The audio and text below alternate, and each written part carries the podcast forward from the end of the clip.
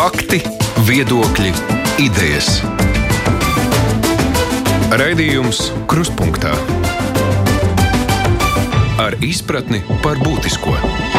Studijā Mārija Ansone. Pēc Ziemassvētku brīvdienām mācības nu jau kā nedēļa ir atsākuši visi skolēni. Tās, protams, notiek attālināti, līdzīgi kā tas bija pērn pavasarī, bet ja pagājušajā gadā uh, attālinātajām mācībām bija jāgatavojas trakā steigā, tad tagad laika sagatavoties bija. Bet kāda šobrīd ir situācija skolās, vai pietiek tehniskā nodrošinājuma un cita atbalsta, vai pietiek atbalsta ģimenēm? Par to mēs runāsim šodien raidījumā. Kopā ar mums ir izglītības un zinātnes ministre Ilga Šuplīnska. Labdien, Šuplīnskas kundze!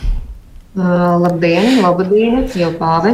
Tāpat arī Latvijas pašvaldības savienības padomniece izglītības un kultūras jautājumos Ināra Tundura. Labdien! Labdien! Vēl kopā ar mums ir Liepājas piektās vidusskolas direktore Inta Korņēja. Sveicināti! Dien. Kā arī Saimas izglītības zinātnes un kultūras komisijas vadītājs Arvēls Ašerādens. Labdien! Labdien! Pirms jautājums izglītības ministrei pagājušā gada septembrī tad tika piešķirti 3,9 miljoni datoru iepirkumam, kuriem skolās bija jānonāk līdz gada beigām. Pirms Ziemassvētkiem skolas arī saņēma, kā ziņās bija teikts, 6200 datorus. Tas arī bija tas viss iepirkums, un vai ar to ir gana, jūsuprāt?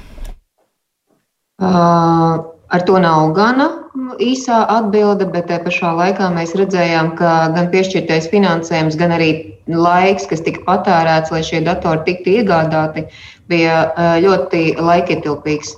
Un atgādināšu, ka arī šajā brīdī uh, tie plāni, kas ir uh, jāsaka, jau uh, sastādīti, prasīs noteikti laika uh, limitu, jo visā Eiropā pieprasījums pēc datoriem ir pieaudzis. Dundars kundze, kādi ir jūsu dati par to, kam pietiek, kam nepietiek datori, ja mēs runājam gan par skolām, gan arī par ģimenēm, kurām skolas ir devuši datortehniku? Pašvaldības savienība pagājušā gada nogalē, novembrī, decembrī veicām aptauju. Aptaujā, aptaujātas tika visas izglītības iestādes, Un tālāk jau skolas aptaujāja, zinot arī situāciju, kāda ir skolēniem, aptaujāja arī ģimenes. Un tās, tās, tā situācija sekojoša, ka uh, viss sarežģītākā situācija datoru nodrošinājumu ir tieši ģimenēm, skolēniem, jo 18% trūkst kopumā valstī skolēniem datortehnika, datori atbilstoši aprīkoti ar atbilstošām programmām. Savukārt, ja mēs paskatāmies detalizēti pa laukiem, pilsētām, lielajām pilsētām, tad laukos tā situācija ir stipri sliktāka. Proti, laukos vairāk nekā 23,5% ir Tā tad ir problēmas un nav pieejami datori. Tāpat mēs veicām aptauju arī, kāda ir situācija ar pedagogiem un kāda ir ar izglītības iestādēm. Protams, tā situācija ar izglītības iestādēm nedaudz labāka, taču jaņem vērā, ka pedagogi strādā attālināti un a, pandēmijas situācijā strādā arī no mājām, tad kādai trešai daļai tātad šo, šie datori trūkst. Bez tā, ka tehnoloģijas ir svarīgs arī interneta pieslēgumi, izglītības iestādēji un arī interneta pieslēgums maisaimniecībām. Tad, proti, tā situācija, kuru mēs aptaujājām pagājušā gada vasarā, ir vēl sarežģītāka, jo tā daudzas maisaimniecībām nav šie stabilie interneta pieslēgumi, kas ir nepieciešams mācību procesa nodrošinājumam. Savukārt izglītības iestādēm, izglītības ministrija tagad ir noslēgusi šo te memorandu par interneta nodrošināšanu. Ir līdz mājām paredzēts palielināt izglītības iestādēs? Reiz dažas lietas arī precizēšu, jā, tad, tad mums ir ļoti precīzi jāsaprot, ka, lai nodrošinātu patiešām optimālā līmenī attālināto mācību procesu, ir nepieciešami trīs ļoti svarīgi komponenti. Pirmais ir viedierīces, otrais ir interneta jauda, trešais ir digitālā pratība. Tad, ja mēs runājam par interneta jaudas palielinājumu, tad īstenībā jau sarunās ar pašvaldībām iezīmējās šī problēma. Meklējām risinājumu ar satiksmes ministrijas starpniecību, varam ministrijas starpniecību. Īsti neguvām pārliecību, ka varēsim atrisināt, jo tika solīts, ka pēdējā jūdze 22. gada beigās varētu parādīties visā Latvijā. Tāpēc milzīgs paldies Rīgas biznesa skolai, Rīgas Tehniskai universitātei, kas atrada šo savienojumu ar operatoriem, un šobrīd visiem ir pieejams eh, internet resurss skolu internets.lv, kur var apskatīties visas Latvijas skolas ar tehnisko specifikāciju, kāda raksturo viņu internetu. Uh, ir apzināts, ka 280 skolās interneta jauda ir mazāka par 50 megabitiem, un uh, docētāju un, uh, jāsaka, studējošo komanda ir apņēmusies līdz martam kartēt, analizēt katru šo individuālo skolu un piedāvāt risinājumu. Jo risinājums bieži vien nav viss interneta nepieejamība, bet pavisam mazas tehniskas problēmas, kā saka studenti, arī tas, ka uz vietas pietrūkst IT speciālista.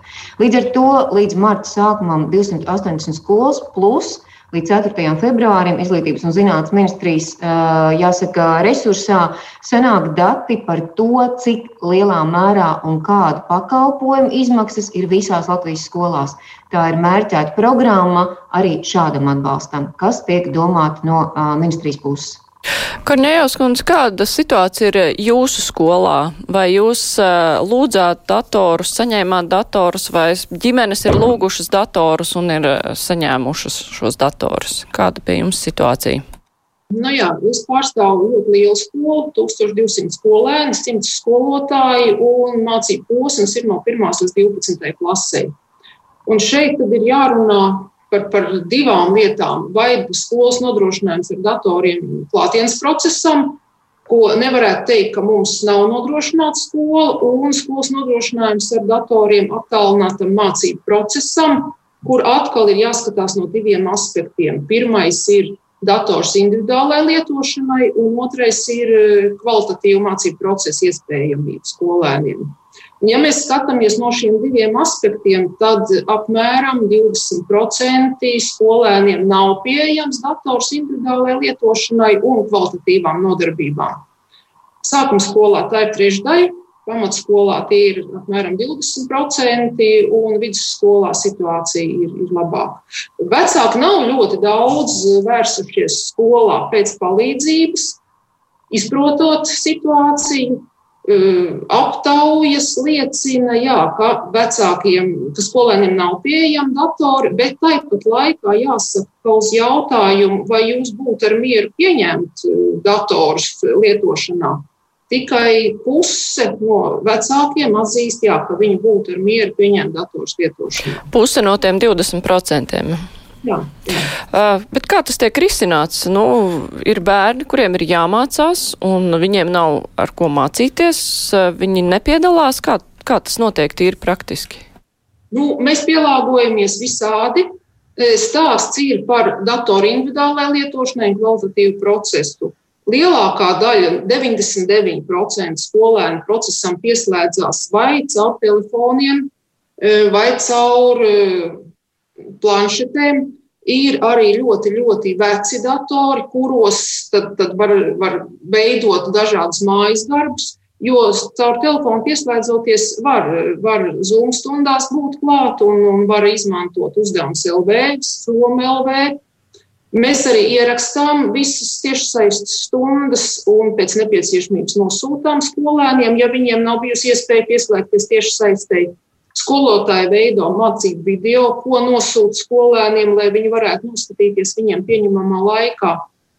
E, ir skolēni, kuriem mēs kopējam mācību materiālus, un reizē nedēļā vecāki nāk uz skolu pakaļ. Skolēns izpild šo materiālu, nofotografē, un tad vai nu e-klasē, vai, vai WhatsAppā skolotājiem aizsūta fotografiju, kas, protams, ir ļoti apgrūtinoši gan skolēnam, gan skolotājiem. Mēs komunicējam ar vecākiem un risinām problēmas to ienākšanas kārtībā, iespēju robežās.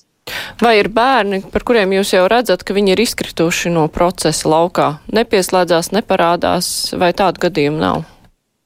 Ir, ir tādi gadījumi, ir, un ir arī gadījumi, ka pēkšņi nepieslēdzās bērni, kuri visu laiku arī klātienē un attālināti ir pieslēgušies, ir mācījušies Šeit momentāli iesaistās klases audzinātājs, tiek iesaistīts skolas atbalsta personāls.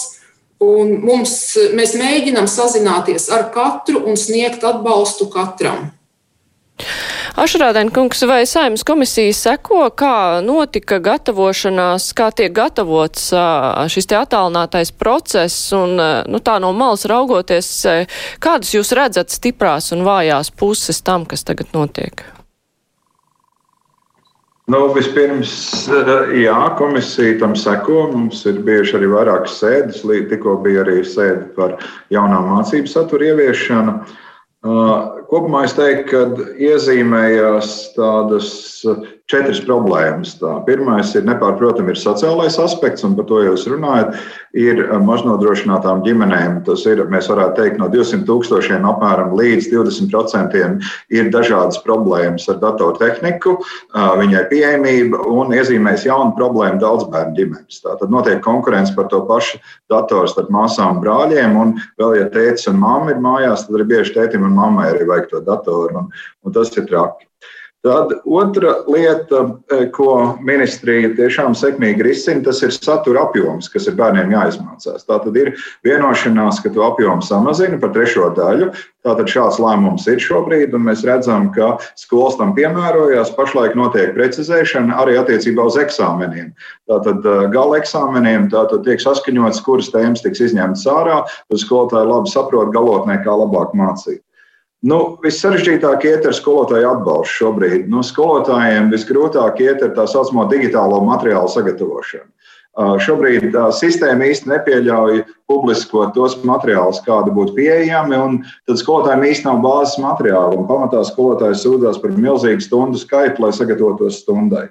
Nu, tā ir viena no tādām lielākām problēmām. Un tad pēdējā problēma, ko mēs vēl ilgi skatīsimies, kā risināt, Tie ir bērnu vecāki.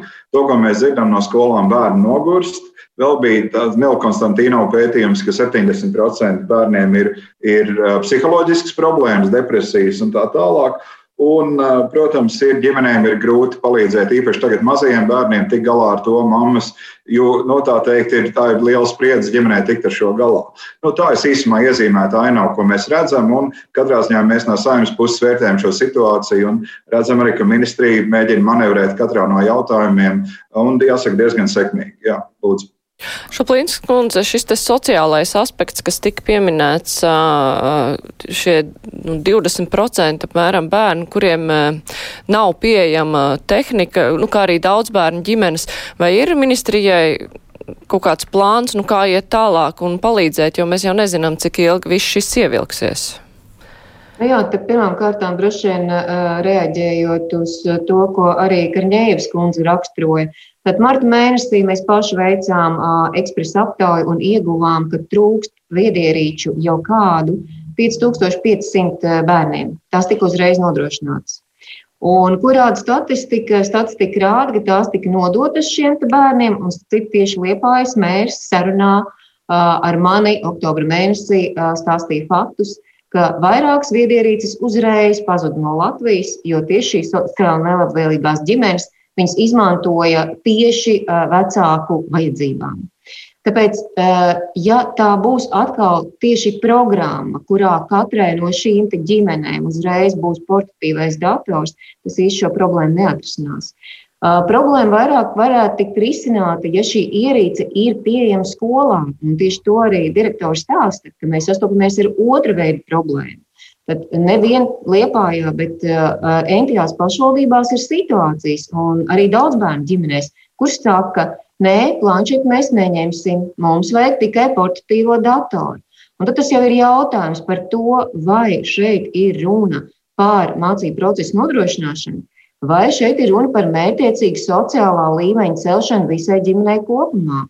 Ja tas ir pirmais variants, tad šajā brīdī, tieši tā kā Karņēvas kundze arī teica, apmēram 90% ir šī iespēja, jā, ne labākā tehniskā iespēja, bet ir šī iespēja tikt pie tiešsaistes stundas, tikt pie materiāliem. Ja tā ir otra līmeņa problēma, tad, protams, to var izsnākt tikai sadarbībā ar pašvaldību. Un paldies jāsaka tām pašvaldībām, kas šajā brīdī ir uh, konceptuāli palīdzējušas tikt un pie viedierīcēm tieši daudz bērnu ģimenēm. Bet uh, ilgtermiņā tā noteikti ir atsevišķa mērķa programma, kurā patiešām ļoti uh, precīzi, uh, cikliski gan tiek paredzēta atjaunotne, gan tiek, jāsaka, precīzi redzēta šī karte, kurā uh, zonā ir nepieciešama palīdzība. Un tas parādās gan nākamajā Eiropas Savienības struktūra fonda plānošanā, gan jāsaka arī krietni īsākā periodā. Jo uzreiz vēl varbūt viena problēma iezīmēšu. Tad šajā brīdī patiešām mēs esam unikālā situācijā, jo ir ārkārtas situācija. Tas, ko mēs visu laiku aicinām, mēs aicinām tomēr pedagogu izvēlēties strādāt no skolas, jo skolā ir tukšas telpas, skolā ir materiālā bāze, ir internets, un pamatā visās skolās ir arī pieejams viedierīts. Un pamatā ir pieejams arī lielāks mācību materiālu klāsts. Tā ir viena lieta. Otra lieta, mēs šobrīd mēģinam saprast, cik ir optimālais viedierīču skaits, ja mēs izējām no ārkārtas situācijas. Un tur mēs redzam, ka sākuma skolai ir optimālais skaits viena viedierīce uz pieciem bērniem līdz trešajai klasē, četri, uh, viena viedierīce uz četriem ceturtā klasē. Tāpēc tas jautājums nav par to, ka šajā brīdī, piemēram, nopērkot skaitli X viedierīces, mēs uzreiz atrisinām šo jautājumu. Un patiešām arī par šīm lietām domājot, Mēs jau esam plānojuši arī nākamo iepirkumu, kas tiek gatavots no REACT-U šī finansējuma. Tie ir desmit miljoni, kas ir atvēlēti tieši viedierēcēm, bet mēs ļoti aicinām pašvaldības domāt arī par līdzfinansējumu. Vismaz 30% apmērā tā būtu krietni mētiecīgāka deva un arī uh, līdz atbildība no abām pusēm, nodrošinot šo optimālo viedierīču skaitu. Un, principā, tad uz to 21. gada septembri mēs iegūtu pirmajai klasē 1 pret 5. 4. klasē 1 pret, 1 pret 4, 7. 1 pret 3 un 10. 1 pret uh, 2. Tad uh, viena viedierīce pret diviem skolēniem. Un principā šādā režīmā jau var runāt par atjaunotu mērķtiecīgi šo viedierīču datubāzi. Uh, jā, jautājums pašvaldības savienībai. Tad vispirms secīgi runājot par uh, ģimenēm, nu, kuras uh, var redzēt nesako līdzi to, vai viņu bērni mācās vai nemācās, un kurām varbūt nevajag uzticēt šīs viedierīces, kā pašvaldības strādā ar šīm nelabvēlīgajām ģimenēm, un vai tiek apsvērts nu, kaut kādā veidā, es nezinu, kaut vai tajās pašās skolās aicināt šos bērnus darboties klātienē, ievērojot epidemioloģiskos noteikumus, nu, ka ir pāris cilvēki varbūt telpā, nesājot maskas un nu, strādāt uz vietas ar šiem bērniem. Vai kaut kas tāds tiek domāts, jo, ja, ja ir redzams, ka mājās viņi nemācās, tad kaut kā palīdzēt citādi. Jā, pirmkārt, mēs uz atsevišķu ģimeņu pieredzes negatīvās nevaram veidot politiku, kā apgād, apgādāt šīs maznodrošinātās ģimenes. Jo vien, vienmēr būs tādas situācijas, negodprātīgas attieksmes jautājums. Bet jāņem vērā, ka šīs ģimenes jautājums ir stipri plašāks. Ne tikai apgāde ar datortehniku, bet arī vēlme palīdzēt saviem bērniem. Un jau pagājušā gadā vairākās Covid-19 darba grupās, kuras notiek pirmdienās, mēs pašvaldības savienība, arī ministru kabineta sēdēs esam aktualizējuši jautājumu, ka atļaut sniegt individuālās konsultācijas individuālā kārtībā uz vietas skolās. Izmantot liederīgi arī pumpura finanšu līdzekļus, kas ir tieši mērķtiecīgi plānoti, lai sasniegtu ši, šos bērnus, kuri izkrīt no izglītības sistēmas, kuriem nav attiecīgi pieejamas tehnoloģijas, kuriem nav mājās pieejams arī atbalsts, jo pat situācijā, ka visi mācās klātienē, mums ir viena daļa skolēnu, kuriem ir jāpievērš īpaša uzmanība. Un līdz ar to es ceru, ka šogad, uzlabojoties epidemioloģiskai situācijai, kā izglītības zinātnes ministrija atkārtoti aktualizēs šo jautājumu par individuālo uh, konsultāciju sniegšanu klātienē skolās, un mēs noteikti pašvaldības savienību, pašvaldības atbil, atbalstīsim. Vēl vairāk, lai gatavotos šim procesam, lai ievērotu visas epidemioloģiskās prasības. Uh, pašvaldības savienība mēs organizējam tādas regulāras videokonferences, kur pieslēdzas visas skolas. Es tikai nosaukšu dažus ciparus. Reāli mums pieslēdzas ap 1200 skatītāji praktiski visas skolas. Mēs aicinām vecāku organizācijas pieslēgtos, lai runātu gan par masku lietošanu, gan telpu veidināšanu, gan visām prasībām. Un, un līdz ar to ir ļoti svarīgi, ka tiešām varam sniegt šīs individuālās konsultācijas. Nākamais, uz ko es gribu vērst uzmanību. Ja 7. un 12. klases mums jau no novembra mēneša strādā un mācās attālināti, it kā mēs esam pieņēmuši, ka viņi labāk tiek galā, jā, tās ir labākas pašvadīt, pašvadītas mācīšanās prasmes, Taču šobrīd mums attālinātā mācību procesā ir pirmās, sestās klases. Mēs zinām, ka pirmā praktiski vispār neko nevar izdarīt bez vecāku līdzdalības. Arī otrā tāpatās. Un, un arī visi pētījumi pierāda to, ka, pirm, ka līdz pat 12. klasē skolēns nevar pastāvīgi mācīties. Un tā vēl ietekme, tehnoloģiju trūkums ir lielāks, jo uh, pamatā arī šī piegāde pagājušā gadā bija 7. un 12. klasēm. Pirmajās sestās visi cerēja, ka varēs mācīties klātienē. Kāds ir mūsu piedāvājums? Izglītības zinātnes ministrija jau organizē pirmdienās un piekdienās šīs virszemes televīzijas apraidi, Un šis formāts būtu ļoti labs, ja mums vēl ilgstoši jāmācās mazajiem bērniem attālināti. Bet tomēr, jo tad varētu pieslēgties, jo televizoru ģimenēs pamatā ir, jo tad varētu pieslēgties visas ģimenes un visi bērni neatkarīgi. Bet ceram, ka vismaz pirmās trīs klases, ka varēsim ātrāk atgriezties. Jo Ašeradens pieminēja, Ašeradena kungs pieminēja šo te kompetencijas balstītu izglītības saturu, kur skatījām.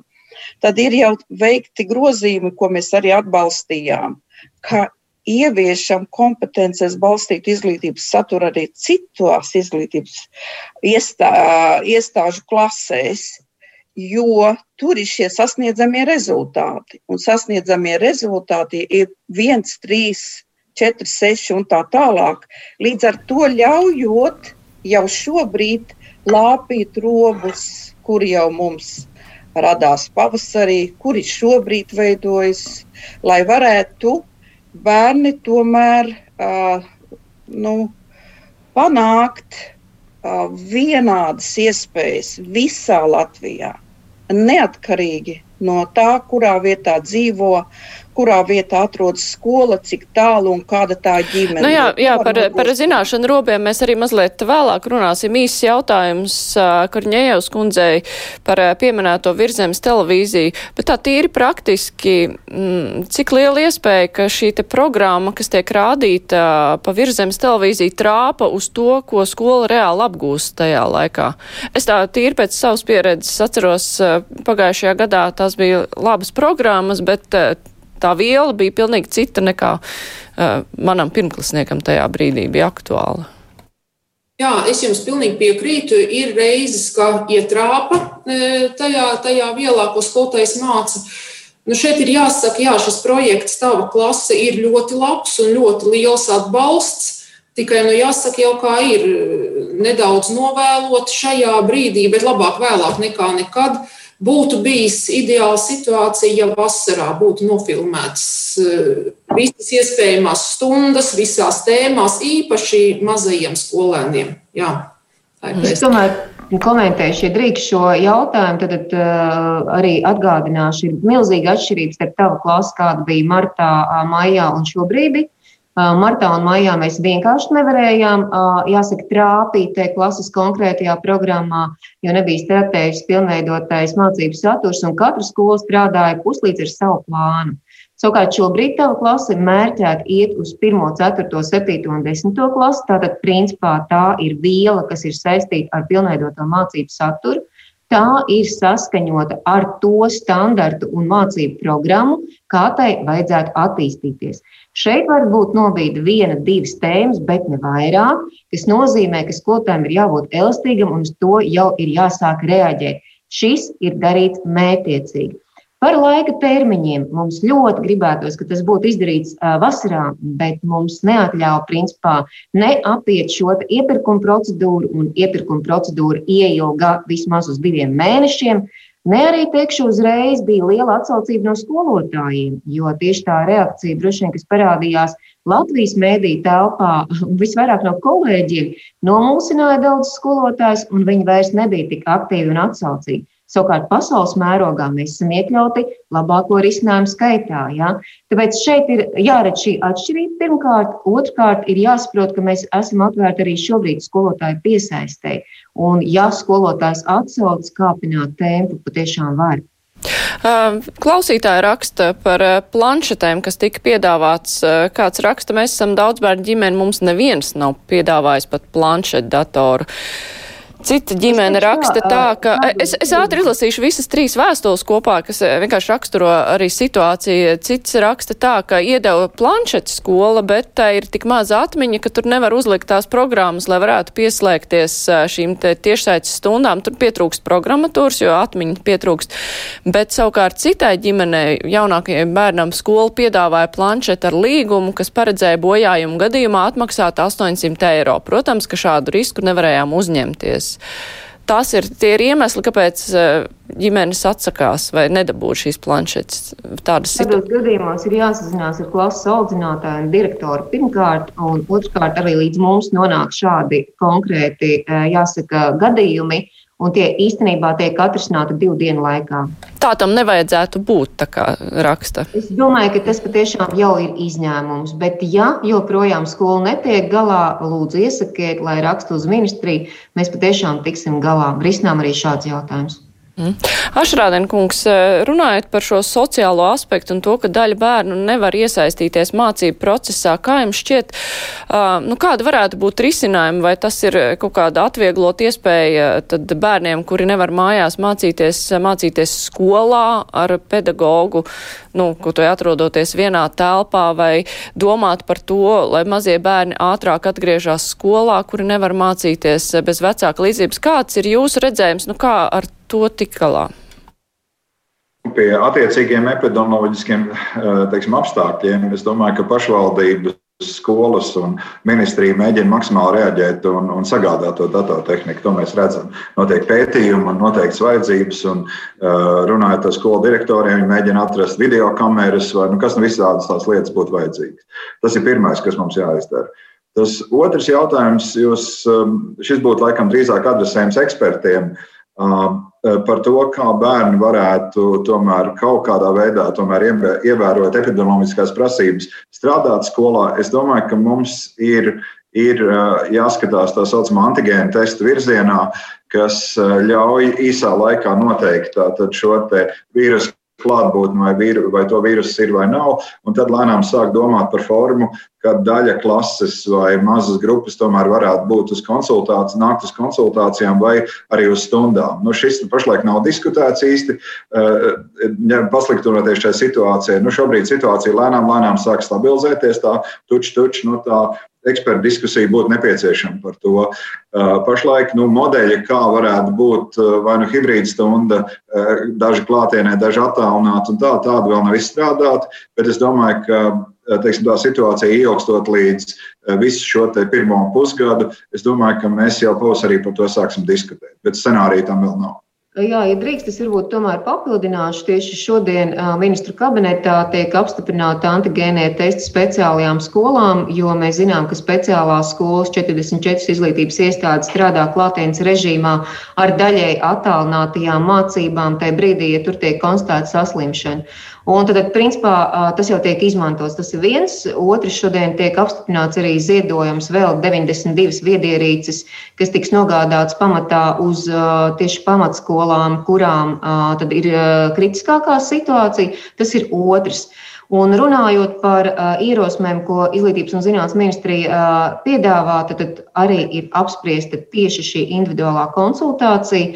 Individuālā konsultācija sociālā riska grupām, neierobežojot vecuma posmu, Un, principā, apzinoties, ka primāri tie ir bērni ar mācību grūtībām, otrkārt, tie ir bērni, kuriem pietrūks tiešām viedierīces, trešām kārtām, varbūt tie ir bērni, kā Karņēvis kundze teica, kas pēkšņi, es nezinu, neatbild skolotājiem un kaut kādu nezināmu iemeslu dēļ ir izkrituši no absolūti normāla mācību procesa.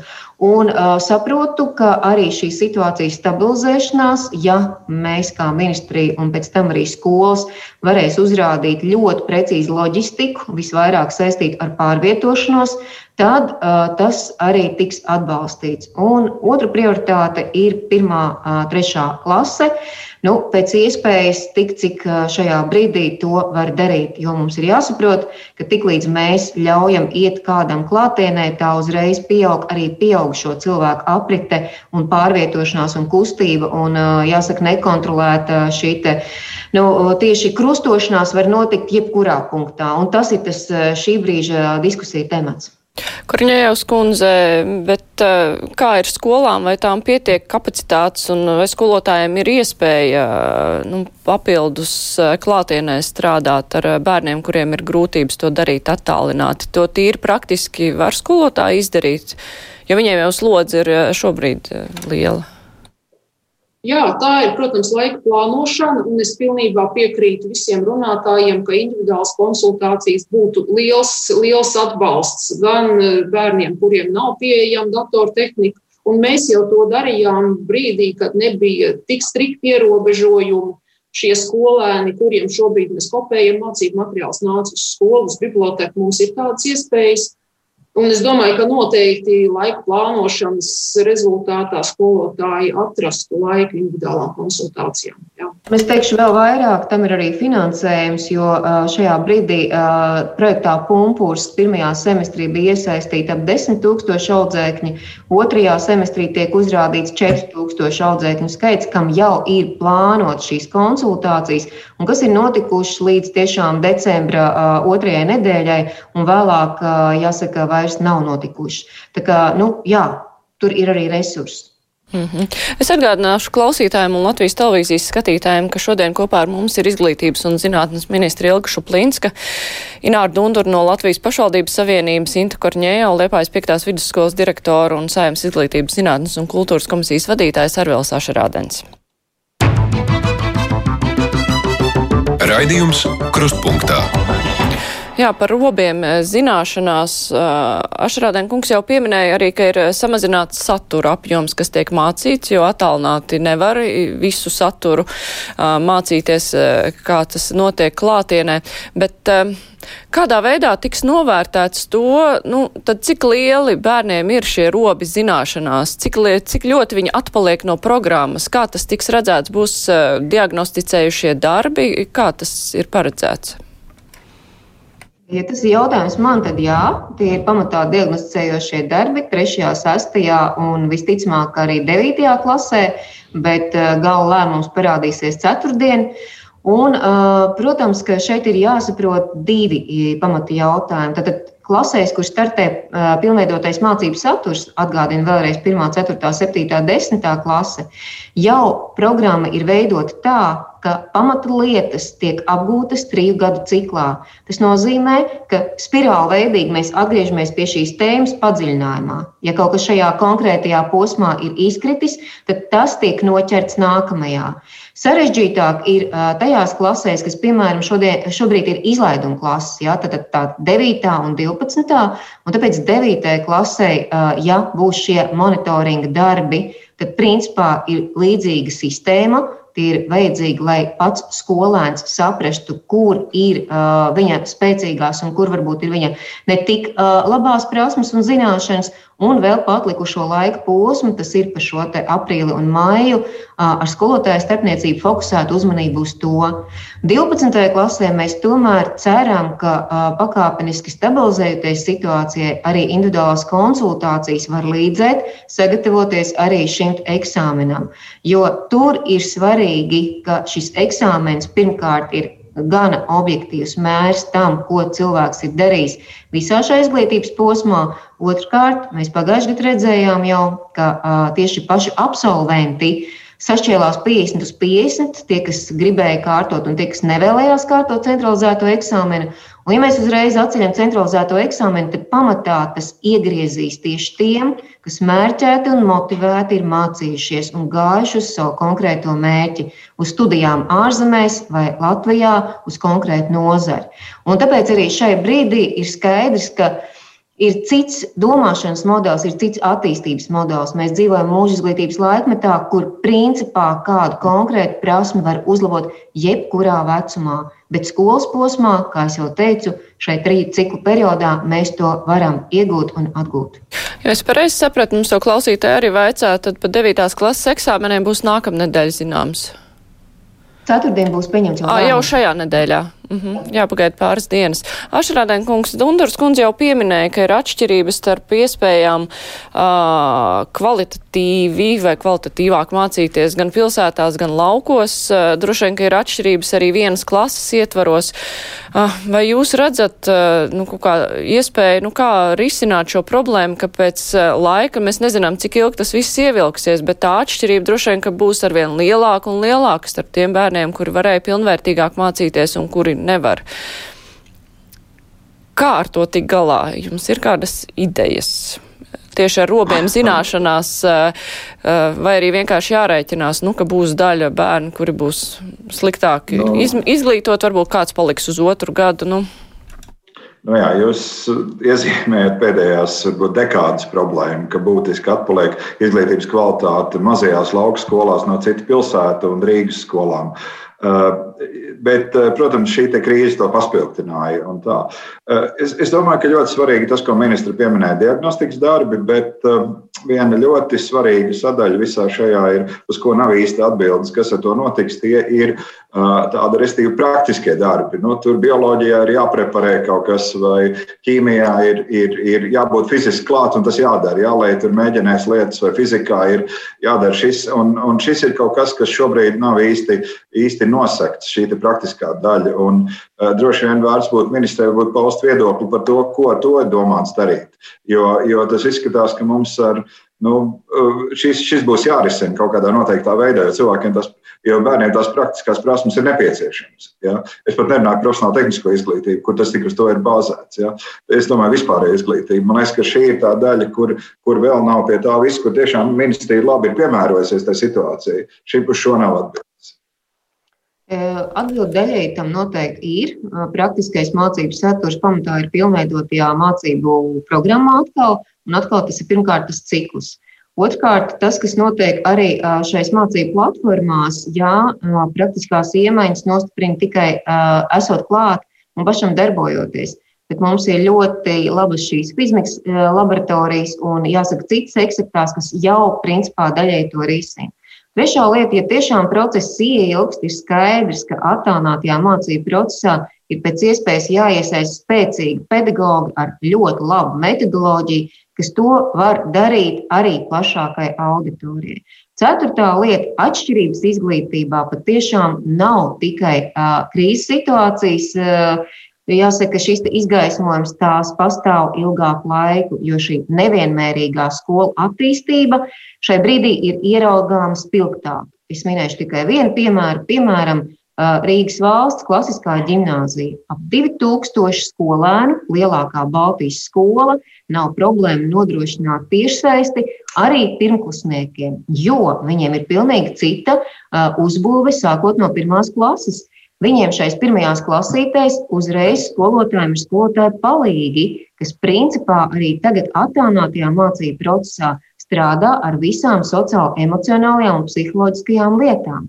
Un tam risinājumi ir, un jebkurā gadījumā es uzskatu, ka arī šis laiks ļaus varbūt iedrošināt atsevišķas skolas izmantot jau tos iestrādnes momentus, kas ir Rīgas valsts klasiskajā, Daugavpils tehnoloģija licijā, Vācu pamatskolā, Rīgā un citās skolās.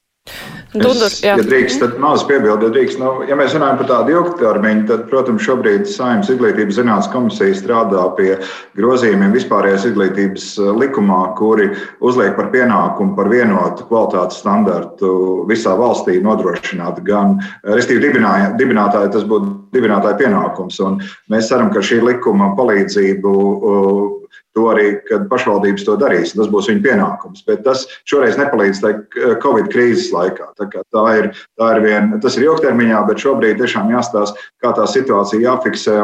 Es domāju, ka būs ļoti liels slodze uzsākot nākamo mācību gadu tomēr novērtēt tos, tos, nu, to, ko bērni nezina, un tomēr papildus tomēr pie tā atgriezties. Mm -hmm. Dundurs kundze, runājot par šiem robiem zināšanās, šajā gadījumā droši vien būs atšķirība ne tikai starp skolām, kuras spēj piedāvāt labākus pedagogus, pedagogu palīgs, bet tas ir atkarīgs arī no tā bērna situācijas, vai viņš, viņa ģimene ir pietiekoši nodrošināta, vai viņam ir vecāki eh, blakus, kas var uzraudzīt mācību procesu, nu, kāds ieinteresēts cilvēks.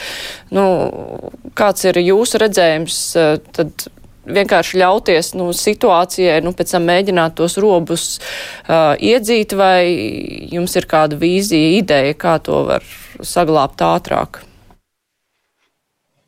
Tas, kā, ko pieminēja tātad ministres kundze un Ašarādena kungs, kā, kā problēmu, kā būtisko, es tam simtprocentīgi negribētu piekrist. Mums jāņem vērā, ka vienmēr, uh, vienmēr un uh, tā situācija pat uzlabojoties laukos, būs šī atšķirība starp ģimenēm. Jo, ja mēs paskatāmies jeb, jebkuru raksturojošo ģimeņu sociālo situāciju, tad laukos neatkarīgi no tā, kā mēs zīmēsim karti, kā viņi izskatīsies, kādas skolas, lielas, mazākas, laukos šī sociāla-ekonomiskā situācija ir sliktāka, ienākumu līmenis ir zemāks. Ja paskatās pēc iedzīvotāju ienākumiem, Proti, līdz ar to ģimenēs, kur ir bērni un bieži vien tie vairāki bērni, tās iespējas būs zemākas. Jo arī, kad, kad novērtējam ģimeņu stāvokli, tad arī šī ieinteresētība nevienmēr ir tā labākā.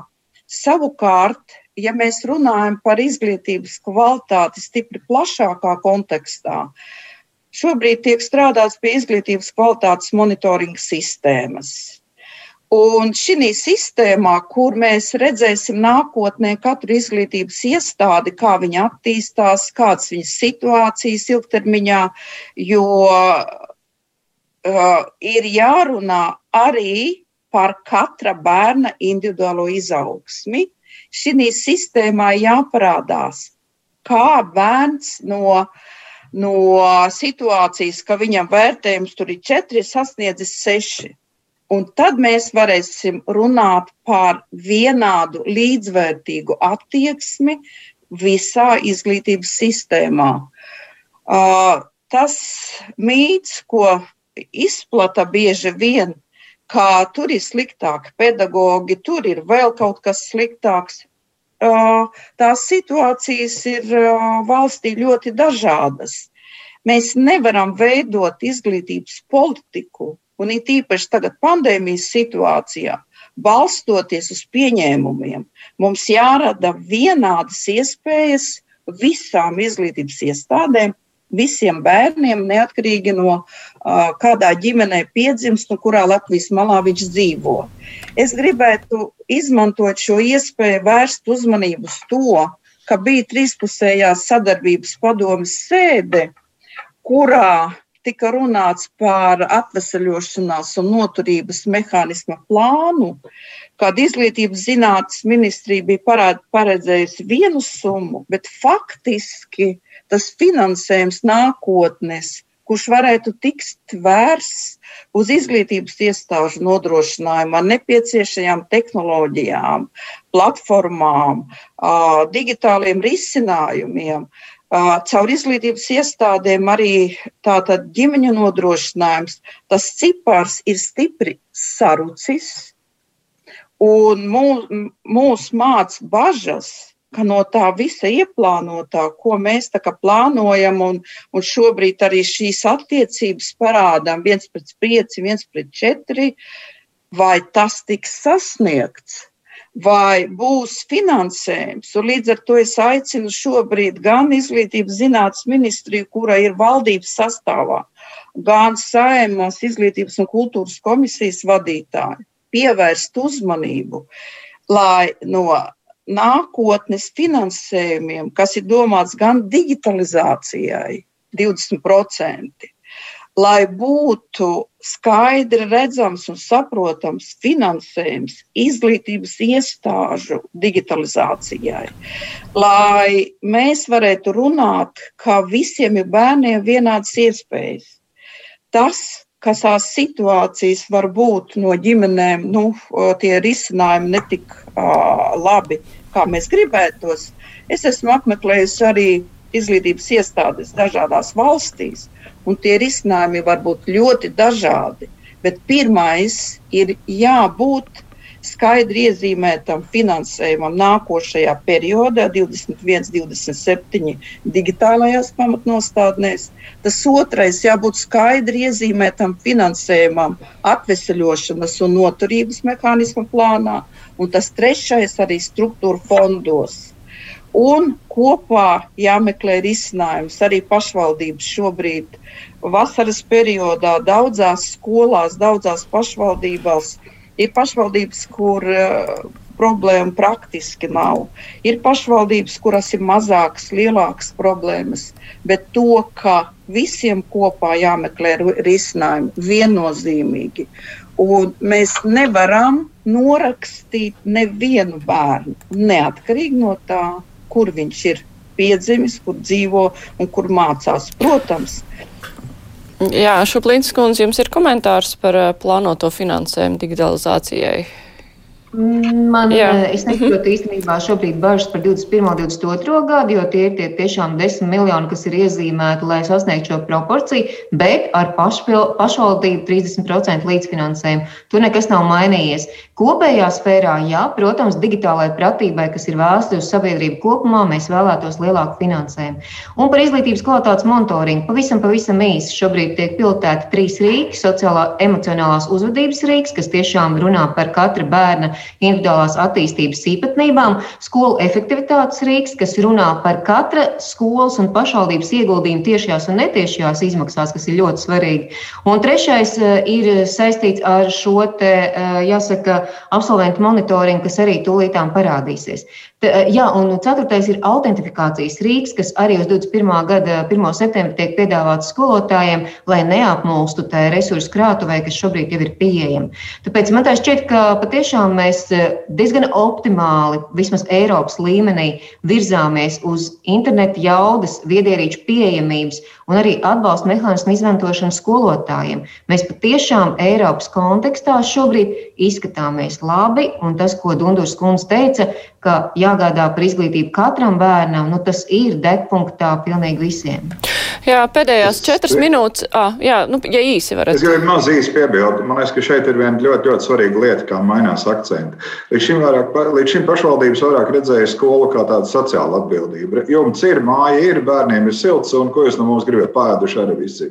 Nē, nē, nē, tas akcents mainās, ka arī pašvaldība kā dibinātājs turpmāk ir atbildīgs par izglītības kvalitāti. Ir nodrošina to, lai ir iekļaujoša un kvalitatīva izglītība. Un nevar pašvaldības teikt, nu, ziniet, mēs te tāda maza, maza nabadzīga pašvaldība, viņa mums te nekas nebūs.